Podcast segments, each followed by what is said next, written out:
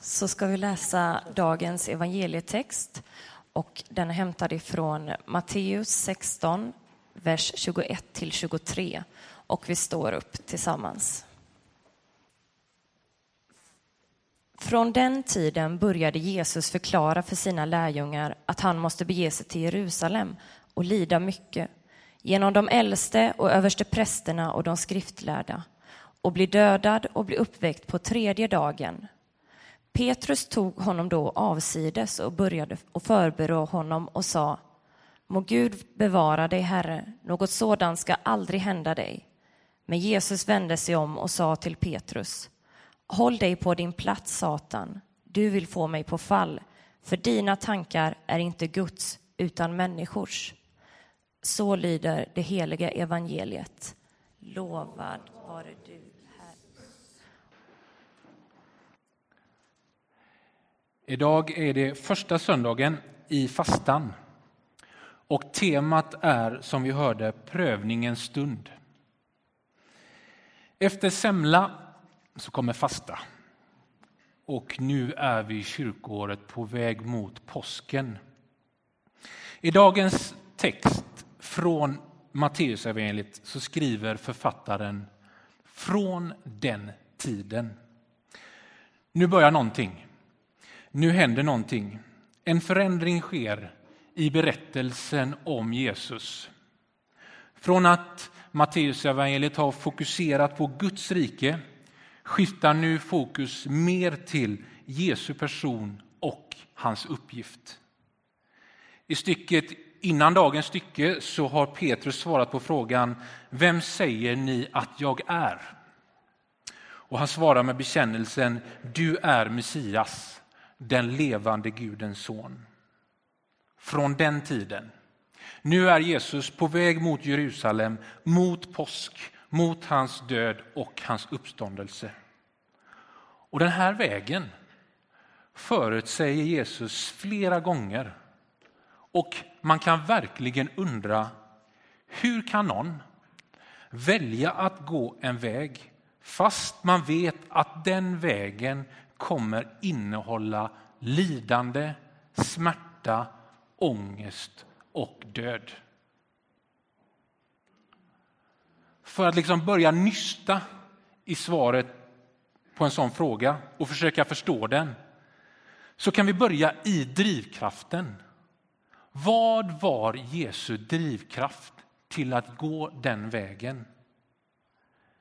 Guds kärlek till världen. Guds kärlek till sin skapelse. Guds kärlek till alla människor. Förra veckan så höll Joakim Hagerius en fantastiskt bra predikan, väldigt inspirerande och utmanande på temat Kärlekens väg. Har du inte lyssnat på den så gör gärna det. Den går att lyssna på Sarons hemsida. Kärlekens väg. Jesus väg är kärlekens väg. Det som driver Jesus att välja en väg mot lidande och död, det är kärleken. Och in i den drivkraften så förtröstar Jesus på att i vägen mot lidande och död så har inte mörkret det sista ordet utan uppståndelse och liv och ljus har det sista ordet. Jesu drivkraft är kärleken och han förtröstar på att ljuset kommer att övervinna mörkret. Dagens tema, prövningens stund, lyfts fram i kyrkoårets texter i Jesu väg mot Jerusalem och mot påsken. För vill man gå kärlekens väg så kommer alltid prövningens stund. Vill man gå kärlekens väg så kommer alltid prövningens stund. Lika säkert som att efter sol så kommer det faktiskt regn. Att efter sommar så kommer vinter och efter seger så kommer förlust. Så var det för Jesus och så är det för alla som följer honom. Och prövningens stund, det vet vi alla, kommer oavsett vad man tror på eller lever efter, så kommer prövningens stund. Alltså prövningar i livet, svåra stunder. De finns där för oss alla. Ibland så är det perioder, för en del är det som att hela livet är en stor prövning. På något sätt så lever vi alla i prövningens stund. Och då kanske vi brister ut, jag klarar det inte. Vi säger det, vi ropar det och till slut så böjer vi knän. Jag klarar det inte. Alltså människan i sig har ju en fantastisk överlevnadsförmåga, den är helt otrolig. Och många människor söker sig till Saron för stöd, i hjälp, i stöd av mat oftast. Och så försöker jag uppmuntra dem i det som är deras kamp. Och så får jag ofta svaret när jag liksom försöker, hur orkar du kämpa liksom? Ja, vad ska man göra? Och det ligger något i det. Överlevandet i sig själv är en stark drivkraft. Dock så kan en sån kraft gå förlorad. Vad kan vi göra vid prövningens stund? Jag tänker att vi kan ha Jesus som förebild som kan ge oss stöd vid prövningens stund. Han kan lära oss någonting. Hans sätt kan lära oss någonting. Och Då handlar det inte om en snabb lösning som får bort alla problem eller den prövning som är din, utan att man får lite mer kraft i det som är din prövning en stund. Om vi tittar på Jesus så tar inte Gud bort hans prövning, men han hjälper honom igenom den. Lätt att prata om, om stöd, svårt att ta till sig. Men jag ska ändå försöka ge några tankar som förhoppningsvis kan bli stöd för att få kraft i prövningens stund. Jesus fick orden Du är min älskade son, du är min utvalde. De hörde han vid sitt dop. Och det här var ingenting nytt för Jesus, men de bekräftade hans identitet. Denna sanning gav Jesus en identitet att vila på och att vara trygg i. Det finns många röster som vill säga någonting om vår identitet. Och i prövningens stund så börjar vi väldigt lätt tvivla på vår identitet. Om vi har fått med oss i livet att vi är älskade så kan det vara någonting att vila på, en trygghet i alla livets olika skeenden. Identitet som ger en kraft i prövningens stund. Vad blir det kvar av en människa när allt skiter sig, när allting bryts ner? För det kan hända. Jo, enligt kristen tro så finns det någonting som man inte kan ta bort. En människas identitet. Alltså tron på att varje människa är Guds. Att Gud ville oss. Att Gud älskar dig och mig och alla människor. Och vid prövningens stund så får vi försöka påminna oss om att vår identitet, att vi är Guds barn, att Gud älskar oss. Jag vet att starka känslor av ångest, av meningslöshet kan välla över oss. I dessa stunder så får vi hoppas på nåden att kunna ta till oss i den här prövningens stund att vi är Guds. Vi är inte prövningen, vi är Guds. Och vår identitet i Gud kan ge oss kraft i prövningens stund. Så verkar det ha varit för Jesus. Vi får följa hans exempel. Det Jesus drivs av är kärleken. Det är det som får honom att välja en väg som han vet kommer innehålla lidande och död.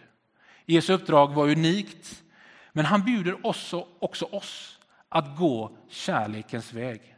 att tillsammans med honom älska Gud, älska vår nästa som oss själva. Och en sådan inriktning kan ge oss kraft. Då våra liv alltid är större av något, del av något större än oss själva.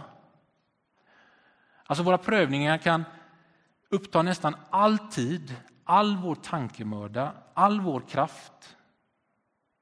Men våra liv är ändå del av en större berättelse om Guds väg, om kärlekens väg. Kanske kan det ge oss kraft i prövningens stund. Och jag tror inte att det är Gud som ger oss prövningen. På något sätt så måste han ju tillåta den i en värld av kaos.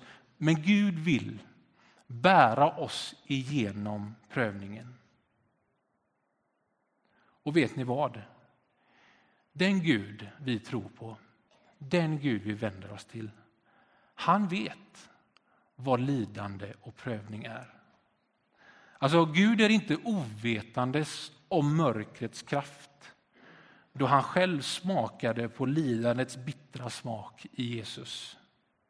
Alltså Jesus delar erfarenheten så han kan känna med dig och mig i själens dunkla natt.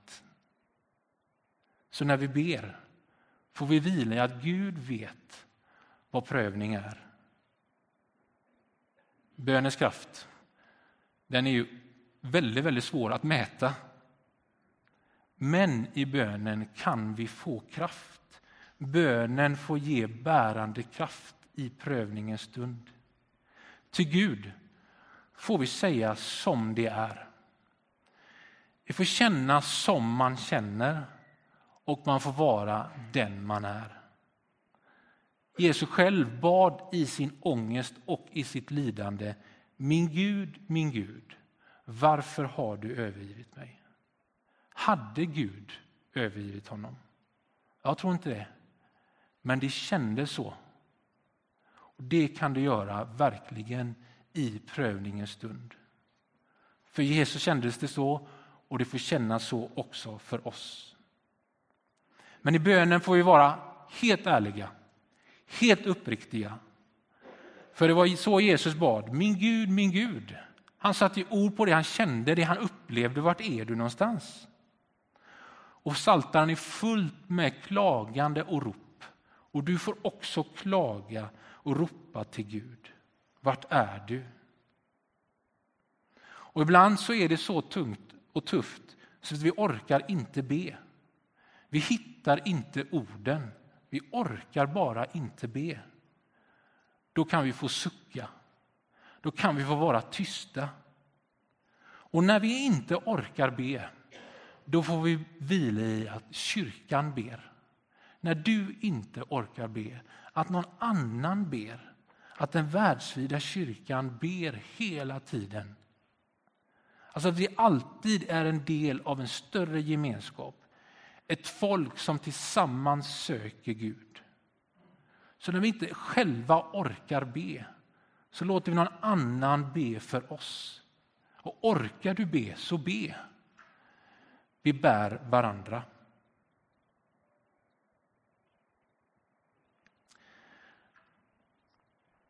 Det är lätt hänt att prövningen och lidandet blir allt. Men vi är inte prövningen. Vi är inte lidandet. När Jesus förutsäger sitt lidande och sin död så ser han också en väg ut. Han ser uppståndelse, han ser ljus och han ser liv. Detta gjorde inte prövningen enklare, men det gav honom hopp. Och tron på att prövning, lidande och mörker inte har sista ordet får ge dig och mig kraft. Utan att uppståndelse, ljus och liv vinner, att Gud har sista ordet. Vi får göra som Jesus, dela den med tron med honom. Att vi vilar i Guds händer, att vi vilar i Guds vilja. Och fastan som vi nu finner oss i, den pekar fram mot påskens mirakel. Så under 40 dagar får vi avstå någonting för att finna någonting viktigare.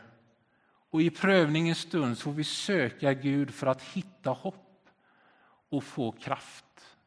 Och får man det i sitt hjärta, i sina tankar, i sin kropp, så är det nåd.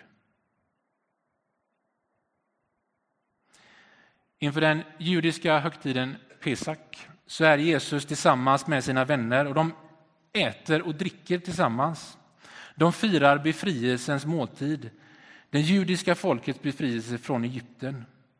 Jesus med sina lärjungar, de delar gemenskapen, den måltid som senare kallas den sista måltiden. Och Det var då Jesus instiftade nattvarden. Så inför Jesus stora prövning så finner han kraft hos sina vänner i gemenskapen. Bland vänner i gemenskapen kan också du och jag finna kraft. I nattvarden så påminns vi om att Jesus som gick kärlekens väg mötte prövningens stund, men kärleken vann. Och I kyrkan så har nattvarden alltid varit en måltid där människor har fått hämta kraft. För vi påminns om Jesus. Vi får ta emot Jesus och vi gör det tillsammans. Ett bröd som vi alla får del av.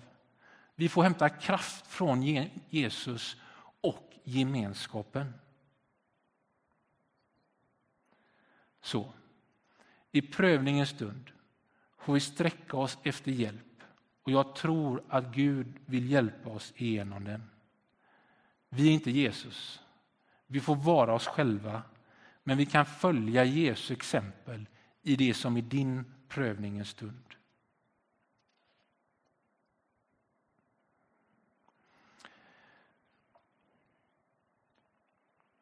Jesus han prövades genom lidandet. Men han prövades också att inte välja Guds väg. Att inte välja kärlekens väg. Utan att välja istället en enklare väg. Det vi läste är att Petrus han tar Jesus åt sidan. Och jag tror i all välmening så försöker han säga till Jesus att nej, nej, nej, något lidande och död det ska inte hända dig. Så som vi gärna gör med våra vänner i prövningens stund. Att ja, du ska se till att det ordnar sig. Du ska inte tro att det värsta kommer hända. Det kommer snart kännas bättre. Så det är en naturlig reaktion hos Petrus. Men Jesu reaktion är oväntad och den är väldigt skarp. Och jag tror att Jesus reagerar så starkt för plötsligt så kommer erbjudandet tillbaka. Det som en gång Satan hade frestat med öknen. Att ta den enkla vägen. Men Jesus visste att hans uppdrag var vad det var. Han höll fast vid det. Istället för att välja en enkel utväg så valde han kärlekens väg. För Petrus så berättas det att det sväng väldigt fort. Inte långt innan den här texten vi läste idag så bekänner han att Jesus är Messias, den levande Gudens son. Och Jesus menar att det är Petrus, inte av sig själv, utan han har fått det uppenbarat av Fadern i himlen. Och så läser vi dagens text, alltså inte långt efter, där han får en ganska skarp tillrättavisning. Håll dig på din plats, Satan. Nu verkar det som att tillrättavisningen är mer till Satan än till Petrus. Men det svängde väldigt snabbt för Petrus. Om ni lyssnar på Joakims predikan från förra veckan och hängde med i det som hänt kring flyktingfrågan den sista tiden så svänger opinionen väldigt, väldigt fort. Om Jesu väg kan beskrivas som kärlekens väg, om det avslöjar Guds plan för den här världen, om nu Gud verkligen vill glädjebud till de fattiga, befrielse för de fångna, syn för de blinda, frihet för de förtryckta och ett nådens år från Herren Jesus, så kommer det att prövas. För kärlekens väg prövas alltid.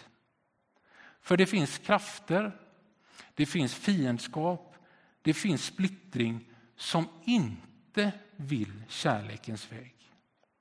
Jesu uppdrag det prövades. Och om du vill följa Jesus, om du vill dela hans väg, hans uppdrag, så kommer det hela tiden att prövas. Alltså Guds tankar för den här världen kommer alltid att prövas. För det finns enklare vägar. Det finns bekvämare vägar. Det finns kortsiktiga vägar. Det kommer alltid att finnas alternativ till kärlekens väg. Kan man ta i så mycket som man kan säga att Satan vill få oss på fall och föra oss bort från Guds tankar och istället bara tänka människors? Kan det vara så? Med Jesu exempel får vi försöka hitta det som är rätt. Det som är Guds tankar. Det som är kärlekens väg. Alltså du och jag får ha vår identitet i Gud. Men det gäller ju inte bara mig och dig, utan det gäller ju alla människor. Är vi medvetna om det?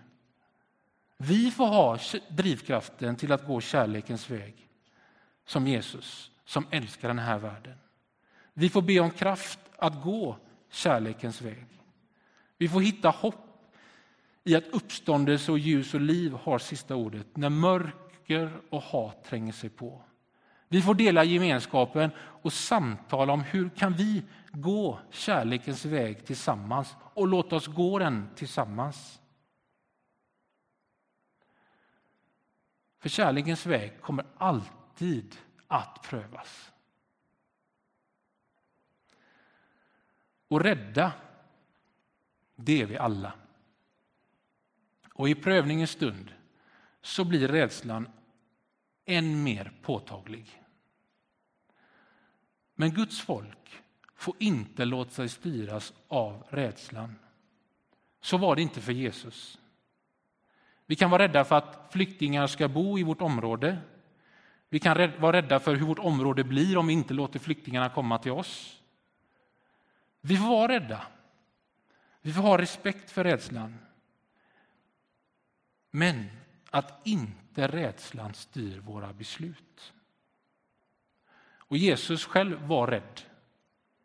Innan hans stora prövning så berättas det att sorg och ängslan kom över honom. Och Jesus sa, min själ är bedrövad ända till döds. Men sen så ber också Jesus. Fader, låt denna bägare gå förbi mig om det är möjligt. Men inte som jag vill, utan som du vill. Vi får vara bedrövade, vi får vara rädda, men vi får också följa Jesu exempel och be. Fader, låt denna bägare gå förbi mig om det är möjligt, men inte som jag vill, utan som du vill. Så, i prövningens stund får vi sträcka oss efter hjälp. Och jag tror att Gud vill hjälpa oss igenom den. Vi är inte Jesus. Vi får vara oss själva, men vi kan följa Jesu exempel i prövningens stund. Gud tog inte bort Jesu prövning, men hjälpte honom igenom den. Så Gud, förbarma dig över oss och hjälp oss igenom prövningens stund. Amen.